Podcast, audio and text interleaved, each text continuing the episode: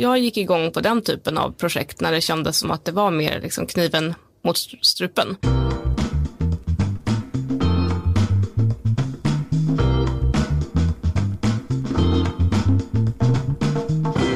För sina sparpengar köpte hon en hel butikskedja som var nära konkurs och snabbt tvingades hon genomföra en rekonstruktion. Som VD för Indiska har hon skruvat på sortimentet, stängt flera butiker och kämpat med övergången till e-handel. Och utmaningarna är långt ifrån över. Dagens gäst heter Karin Lindahl. Jag heter Sara Brännström. Du lyssnar på podden Min första miljon. Först några ord från poddens sponsor.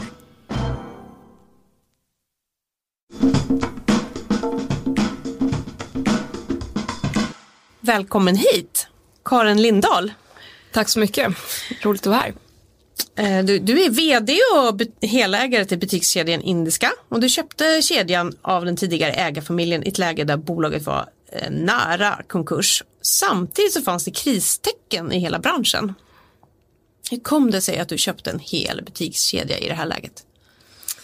Ja, den frågan har jag fått nu många, många gånger och eh, försöker påminna mig själv om eh, grunden till varför jag gick in i det här också ganska ofta, eh, även det här året när det har varit utmanande. Ehm, jag började jobba på Indiska i början på 2017 och eh, kom då från konsultbakgrund och hade jobbat i många, i många liksom, krisande retailbolag men även i andra branscher som hade genomgått sin kris som flygbranschen exempelvis när den hade som tufft och den har ju tufft nu också men eh, och i olika digitaliseringsskeden. Och eh, när jag började jobba på Indiska så tyckte jag att de här styrkorna som jag hade sett från, fram, från utsidan de verkligen fanns eh, där inne också och jag försöker väl tänka på det här som att det finns en, eh, en stark grund och den för mig består egentligen av ett antal olika saker. Först eh, historien, att det finns en väldigt rik och härlig historia med den här grundarkvinnan Matilda Hamilton som eh, åkte till Indien 1901 och hämtade hem all den här härliga inredningen och öppnade butik här eh, och att det är ett lifestylebolag och faktiskt ett av Sveriges eh, första lifestylebolag. Och sen så är det ju, eh, inget bolag är ju unikt men eh, jag tror att vi är nog åt det unika hållet med det, vi ut, ut eh, det utbudet vi har. Eh, så ska man vara i en tuff bransch så tror jag ändå att vi har en liten ruta att spela på där vi säljer lite annorlunda saker. Och sen så det som också kommer med historien är ju eh, väldigt liksom, lång kännedom om varumärket så nästan alla svenskar vet vad, vad indiska är, eh, vilket också är en styrka. Eh, och sen butikslägena som i sin tur också är väldigt bra just för att butikerna har funnits på de här gatorna väldigt länge. Mm. Eh, en lång leverantörsbas med eh, leverantörer från 70-talet som också kan hjälpa till och säga vad som har sålt och inte har sålt. Du fick ju liksom stiga in i det här och, och du satt på vd-posten, du köpte bolaget och så det första du gjorde där det var att genomföra en rekonstruktion. Trots att bolaget hade varit igenom en sån. Ja. Men hur gjorde du då för att övertyga alla de här hundratalet leverantörerna att skriva av skulder? Ja, jag tror att det var en förutsättning att jag inte var med i den första gången. Jag tror att det hade varit väldigt svårt att uh, försöka träffa uh, dem en tillgång om man hade varit med i den första. Utan jag tror att det byggde på att uh, jag var ny, även om jag hade jobbat i bolaget ett par månader. Att det fanns en tydlig eh, förändringsplan eh, som de tyckte var trovärdig. Eh, men också tror jag i jag ska säga, att det är ett lite sådär ibland lite ägarlöst i företagarvärlden. Att man vet inte riktigt, det är kanske någon utländsk eller det kanske är väldigt många olika ägare som blir väldigt splittrat och jag tror att det betyder väldigt mycket att jag representerade både som vd och som ägare och att det fanns ett ansikte bakom och det fanns liksom ingen annan. Det finns inte något, eh, eh, något märkligt där bakom utan man representerar sig själv eh, och det, eh, det var en styrka. Och sen så reste jag ju väldigt mycket och träffade leverantörer på plats och framförallt i utlandet så betyder det mycket att man inte sitter och gömmer sig i Sverige eh, och liksom vill att någon annan ska fixa det utan att man åker dit Eh, och det försöker jag göra eh, fortsatt, att alltid se till att visa upp mig och speciellt kanske i månader när det är mer utmanande att alltid liksom visa att eh, man inte sitter och gömmer sig. Men hur gjorde du rent konkret för att få dem att gå med på din plan? Ja. Att inte ge upp. Vi Precis. har ju nu så här efterhand sett en hel del andra eh, bolag som faktiskt har gått i konkurs. Ja, verkligen. Nej men jag tror så här, jag tror att det handlar väldigt mycket om alltså, själva grundprincipen med att man överhuvudtaget får göra rekonstruktion är ju att man ska övertyga leverantörerna att om du är beredd att skriva ner 75% av ditt belopp just nu så kommer du få igen det här beloppet över lång tid eh, givet att det här bolaget lever och frodas och blir större och börjar tjäna pengar och, och så. Och då tror jag att man måste ha en övertygande plan kring hur man ska attackera framtiden. Med allt från vilket sortiment man ska erbjuda till hur man ser på sin kundklubb till hur man ser på kombinationen av e-handel och butik till hur man ska spara kostnader eh, och Eh, jag körde den här presentationen eh, hundra gånger och jag kan den i sömnen fortfarande. Eh, och det är fortsatt den strategin med lite liksom förändringar som vi fortfarande jobbar i. Eh, så det tror jag betyder mycket och sen så hade vi en, eh, en jätteduktig tjej på kontoret som satt och eh, ringde Eh, från åtta på morgonen till sent på kvällen eh, alla leverantörer och liksom påminde dem och sa så här, har ni några frågor och behöver ni träffa någon igen och eh, då är nästa steg i processen det här och så. Mm, mm. Ja. Så du hade liksom en rekonstruktionsplan för du drev igenom det här på rekordsnabb tid. Så var det. Eh, jag är ju, jag tror alla människor mår, bra av deadline men vi hade av lite så redovisningsmässiga skäl så var, vi upptäckte ganska snabbt precis när vi satte igång att vi behövde vara klara inom ett, ett visst datum eh, och då kom det datumet upp och så var det så här men herregud det här är ju jättesnabbt, så här, ingen har gjort det så här snabbt innan och det går knappt att göra så här snabbt. Men eh, jag är ett stort fan av att man sätter en deadline och så räknar man liksom bakåt och säger vad behöver vi göra då varje halvtimme för att vi ska lyckas med den här eh, tiden. Eh, och ja, det gjorde vi. Hur kändes den här tiden? Sov du något? Eh, men lite blandat. Nej, men den var ju oerhört intensiv och framförallt så var den ju, eh, då jobbar man ju sida vid sida med rekonstruktör som eh, var ju jättebra att jobba med och det blir nästan som att man leder bolaget tillsammans under den tiden för att man är så oerhört nära rekonstruktören och man har liksom eh, samtal varje dag flera gånger om vad som händer. Och det är oerhört fokuserat just på att eh, få in leverantörsstödet så att det blir väldigt också lite tid till att jobba med verksamheten. Eh, och det var ju såklart svårt med någonting som man bara fick ställa in sig på att nu är första steget att bli klar med rekonstruktionen och sen minuten därpå så kan vi börja jobba med verksamheten och sen så fick vi ha andra personer i organisationen som jobbade mer med det dagliga. Mm. Men om man eh, tänker då efter den här perioden av rekonstruktion, eh, även då har ju indiska stundtals haft lite tuffa perioder. Jag vet att förra sommaren med den här värmen mm. så lamslog ju det i princip hela handeln. Mm. Eh, men finns det någon stund där du har ångrat dig? Att du blev, liksom tog över hela det här företaget och blev vd och Eh, nej, det skulle jag inte säga, men jag tror att jag eh, så här ett och ett halvt år, snart två år senare så tycker jag nog att det är vad ska jag säga, ett ännu mer modigt beslut givet hur svårt det är. Eh, så att jag, jag känner mig nog väldigt sådär modig då också, att man verkligen tar ett bett på någonting. Eh, men jag känner mig ännu mer så nu när jag vet hur svårt det är. Eh, och sen så är det ju alltid med branscher som genomgår en stor omställning att det är ju lite oberäkneligt ibland att veta vad som händer och, och det har jag väl ganska stor respekt för. Att det, det kan alltid dyka upp externa faktorer som man inte riktigt har räknat med. Eh, så att det ser ofta lätt, lättare ut på papper. Men du var ju anställd då på eh, management på konsultbolaget eh, McKinsey och många andra människor kanske hade valt att vara kvar där i sin trygga anställning ja. och inte hoppat på någon sån här våghalsigt. Vad är det hos dig som gör att du vågar? Ja, exakt. Um... Nej men bra fråga. Jag har funderat en del på det också vad det är som gör att man gör. Alltså jag tror att även när jag jobbade på McKinsey så drogs jag ju alltid till den här typen av uppdrag och jag, jag tror att det har att göra någonting med att uh, du, du på något att jag får motivation när det är på allvar på något sätt. Att det fanns ju vissa projekt som var superspännande men det var liksom ändå ja, man lyckas med det här eller inte, det kommer liksom inte hända någonting. Och så fanns det vissa projekt som var också verkligen så här, det här bolaget kommer vara i konkurs om inte det här projektet blir bra eller vi kommer inte få betalt om inte vi visar att vi kan spara de här pengarna. Och jag, jag gick igång på den typen av projekt när det kändes som att det var mer liksom kniven mot strupen. Mm. Och det var också därför som jag sökte mig till anställningen från början på indiska för då hade det precis kommit ut sin första rekonstruktion. Um, ja, så det är någonting där att man, jag tror att det handlar också om att man kan göra en väldigt stor skillnad förhoppningsvis. Men har du alltid varit så här driftig? Um, jag tror att min familj och mina vänner nog skulle liksom beskriva det som att det inte är så att jag har gjort någon hel omvändning de senaste åren utan jag har nog liksom, men det, men det kan också vara så att det, eh, nej jag tror att jag har haft i mig ganska länge. Mm. Men redan i gymnasiet då, om vi backar när du var yngre, Ja, jag har nog alltid varit så att jag har haft rätt mycket, vad ska jag säga, så här, järn i elden. Att jag har liksom, eh, det har alltid varit viktigt för mig med liksom skolan och göra bra ifrån sig på jobbet och så, men att jag ofta har haft liksom något sidoprojekt och sådär och liksom något, något engagemang som man, som man har också. Kan du ge några exempel?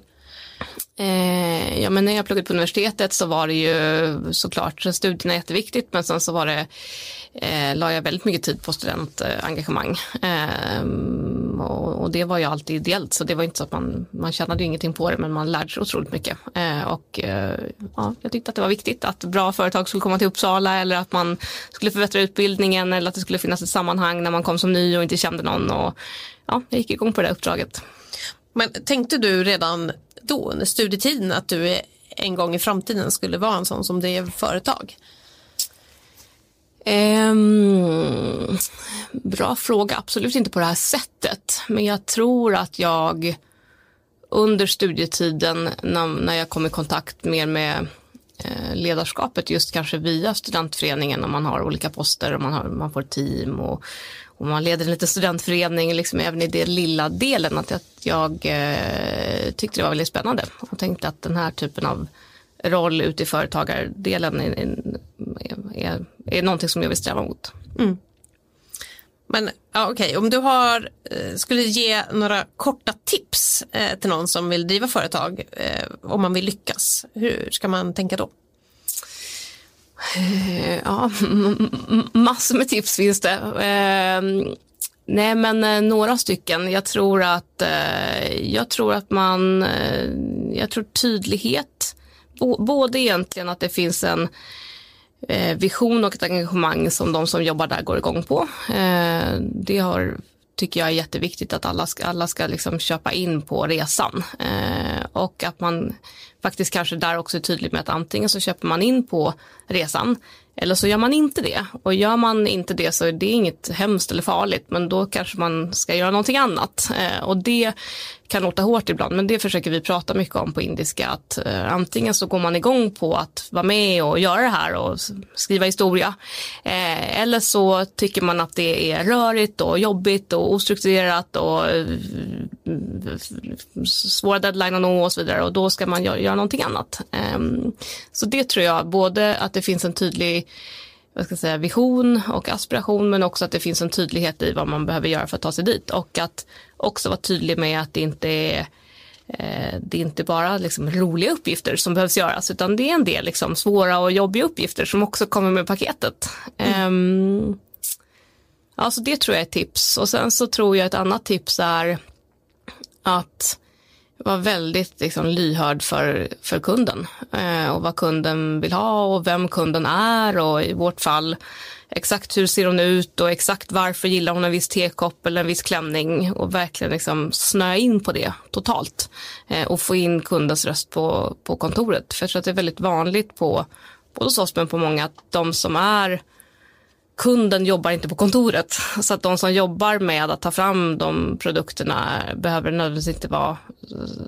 kunden själv. Eh, och det gör ingenting, men då måste man skapa sig en väldigt god förståelse för eh, vad det är kunden går igång på. Mm. Ja. Men den här podden den heter Min första miljon. Har du tjänat ihop någon miljon på det här än? Nej, det har jag inte gjort. Det har kostat en miljon kanske? Det har det gjort. det har det gjort.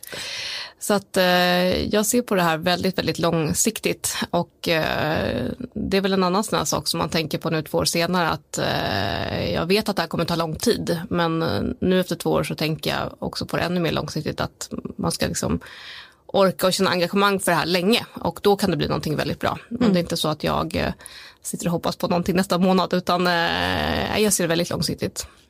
Men, hur viktigt är pengar då för dig som drivkraft?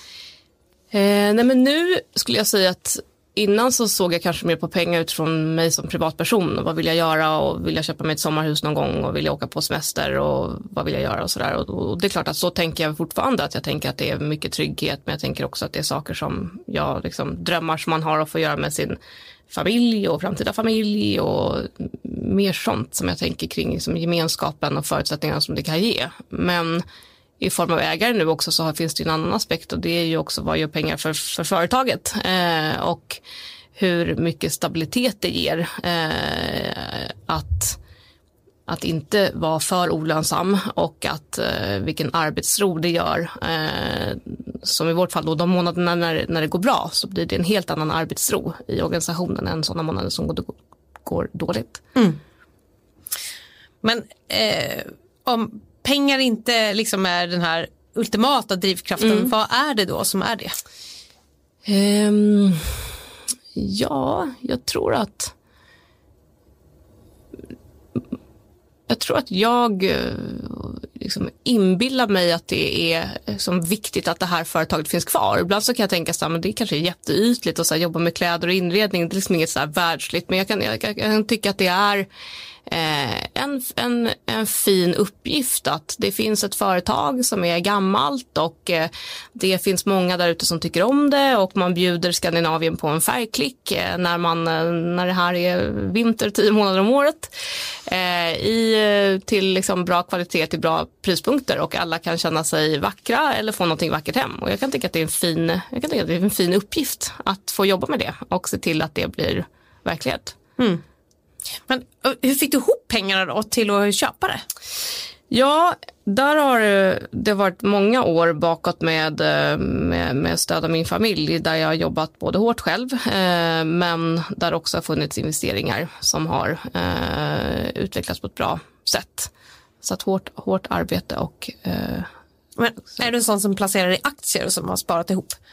Ja, det skulle jag säga. Så att det, är inte, det är inte bara lön utan det är även eh, investeringar som har växt och utvecklats. Men har, har du sånt intresse fortfarande med aktieplaceringar och så här, följa börsen? Och...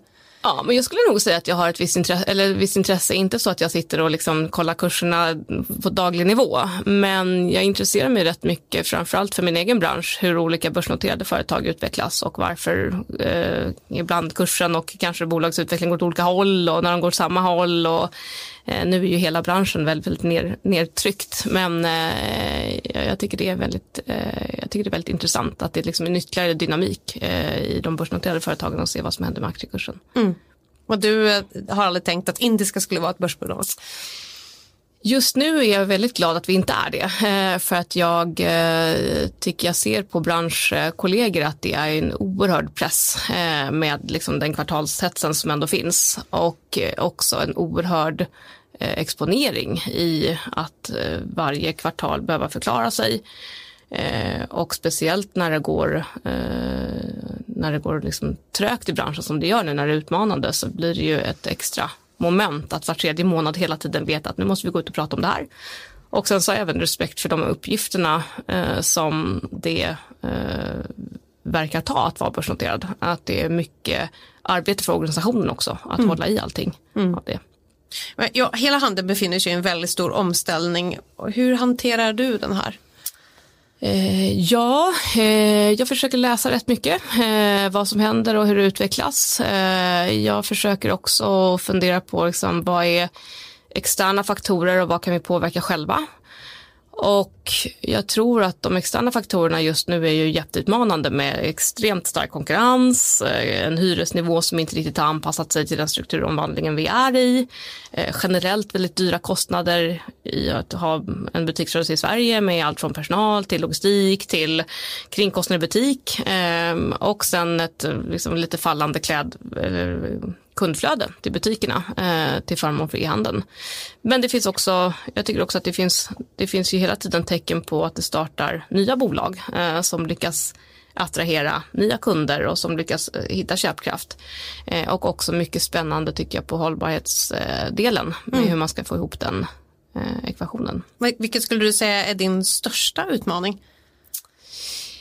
Eh, vår största utmaning just nu är egentligen två, två saker skulle jag säga. Eh, vi har fortfarande, jag tycker vi har, vi har kommit från egentligen en höst och vinter där vi inte riktigt känner oss nöjda med sortimentet och vi har haft liksom, eh, de kunderna som kommit in har inte handlat i lika hög grad som eh, de gjorde under för, till exempel förra sommaren. Ehm, och det har vi jobbat stenhårt med så att jag känner mig väldigt, väldigt nöjd med det som vi precis har presenterat i butik nu. Det känner jag så här, yes, nu satt den eh, och det ser vi direkt att liksom det är högre andel som, som handlar. Det som är vår stora utmaning just nu det är ju att eh, givet att indiska har varit ganska spretiga under ganska lång tid nu så tror jag fortfarande att kunderna känner lite så här, oh, vad håller indiska på med? Någon månad är de jättebra och sen är de då inte alls bra och sen håller de på att byta stil och sen eh, sådär. Man vet inte vad man ska förvänta sig och det där tror jag har skadat oss under lång tid. Att kunderna inte riktigt, man, i och med att också kundbasen är ganska lojal så tror jag man blir ännu mer besviken på ett företag som man gillar. För man tycker, som, vad håller de på med nu?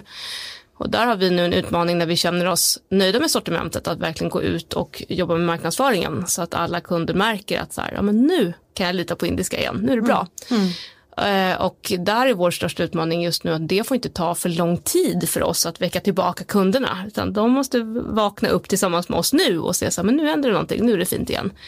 Så det är en utmaning och den andra utmaningen som har varit stor är att vi vi förstår ju som alla andra att den största tillväxten kommer ske på e-handeln. Mm. Eh, och där har vi under året haft en jättestor liksom, teknisk uppgradering av eh, hela plattformen så att vi ska kunna expandera globalt och ha helt annan typ av funktionalitet. Och det kommer bli jättebra men det har varit otroligt smärtsamt med buggar och produkter som försvinner och dålig kundupplevelse och sådär. Så att nu, eh, nu eh, här om någon vecka så kommer det se riktigt bra ut. Men det har varit, eh, det är också någonting som gör att kunderna riskerar att tröttna Eh, och det är, det är alltid läskigt för det tar, det tar lång tid att få tillbaka en, eh, en, en kund som mm. har tröttnat. Jag vet att du har sagt att när du stänger en butik så har inte kundflödet automatiskt bara kommit ut eh, och börjat e-handla. Nej.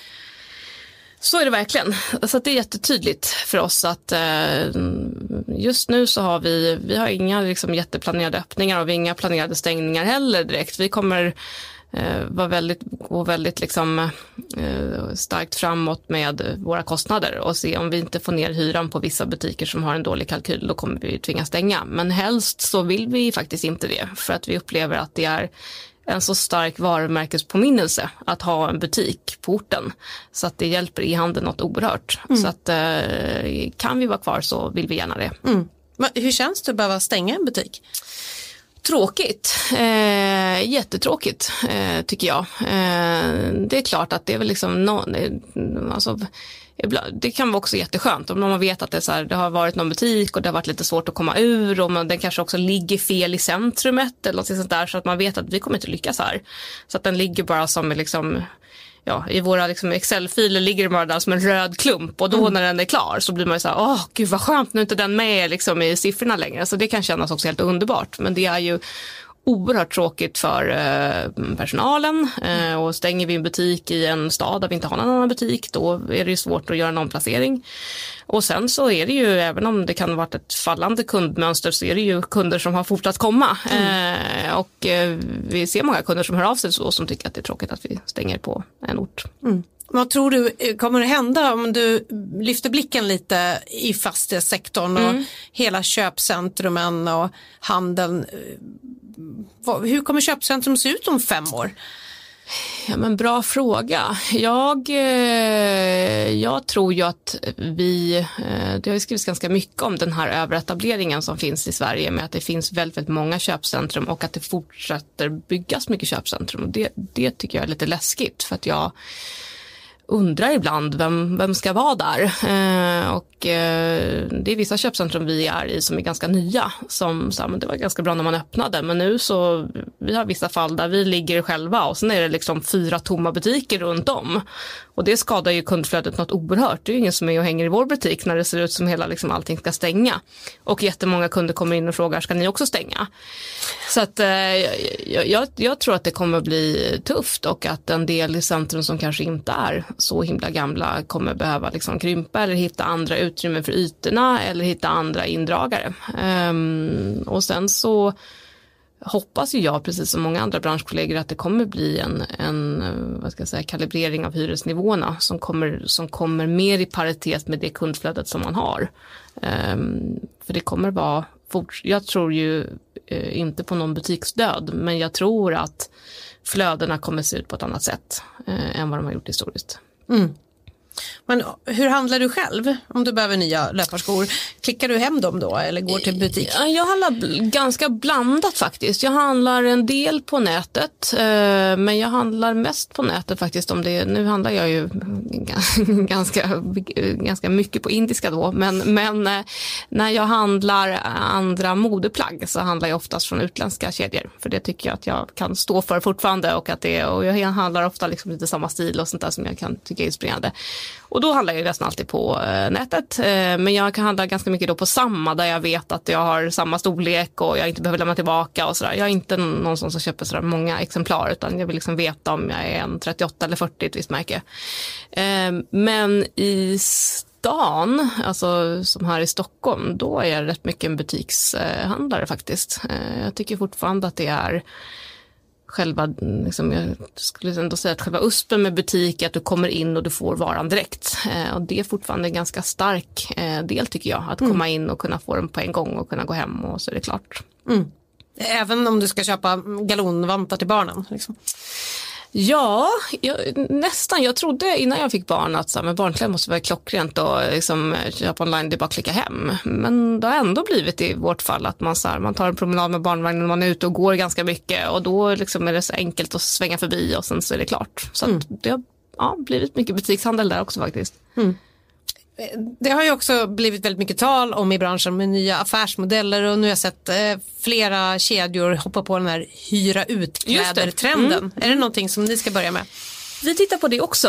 Eh, vi tittar, det som ligger närmast eh, till hands nu som vi eh, hoppas att kunna presentera under hösten det är uthyrning av eh, vårt porslin. Eh, för vi tycker att det känns spännande att det ändå är eh, ja, många som kanske var femte år eller någonting sånt har någon större tillställning och då köper man inte liksom, på sig kanske en hel servis men man ska hyra någonstans och då ser det ganska likt ut. Man köper vita tallrikar i en back och mm. vanliga glas i en annan back eh, och vi har ju ett väldigt omtyckt eh, porslinsserie som finns i regnbågens alla färger eh, och mycket härliga dukar till och glas och sådär. Så att vi tittar rätt aktivt på att göra liksom, några paket kring det.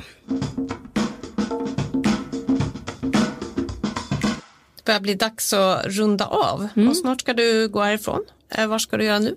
Nu ska jag träffa en leverantör från Turkiet som kommer till kontoret. Um, så att som en liksom, inte superny, men liksom lite åt det nyare hållet som gör, eh, vi har inte jättemånga eh, leverantörer i Turkiet, vi har ju 80 procent i Indien eh, men, och lite i Kina och lite i Turkiet, men eh, väldigt, väldigt nöjda med, med våra turkiska leverantörer, så att det ska bli roligt.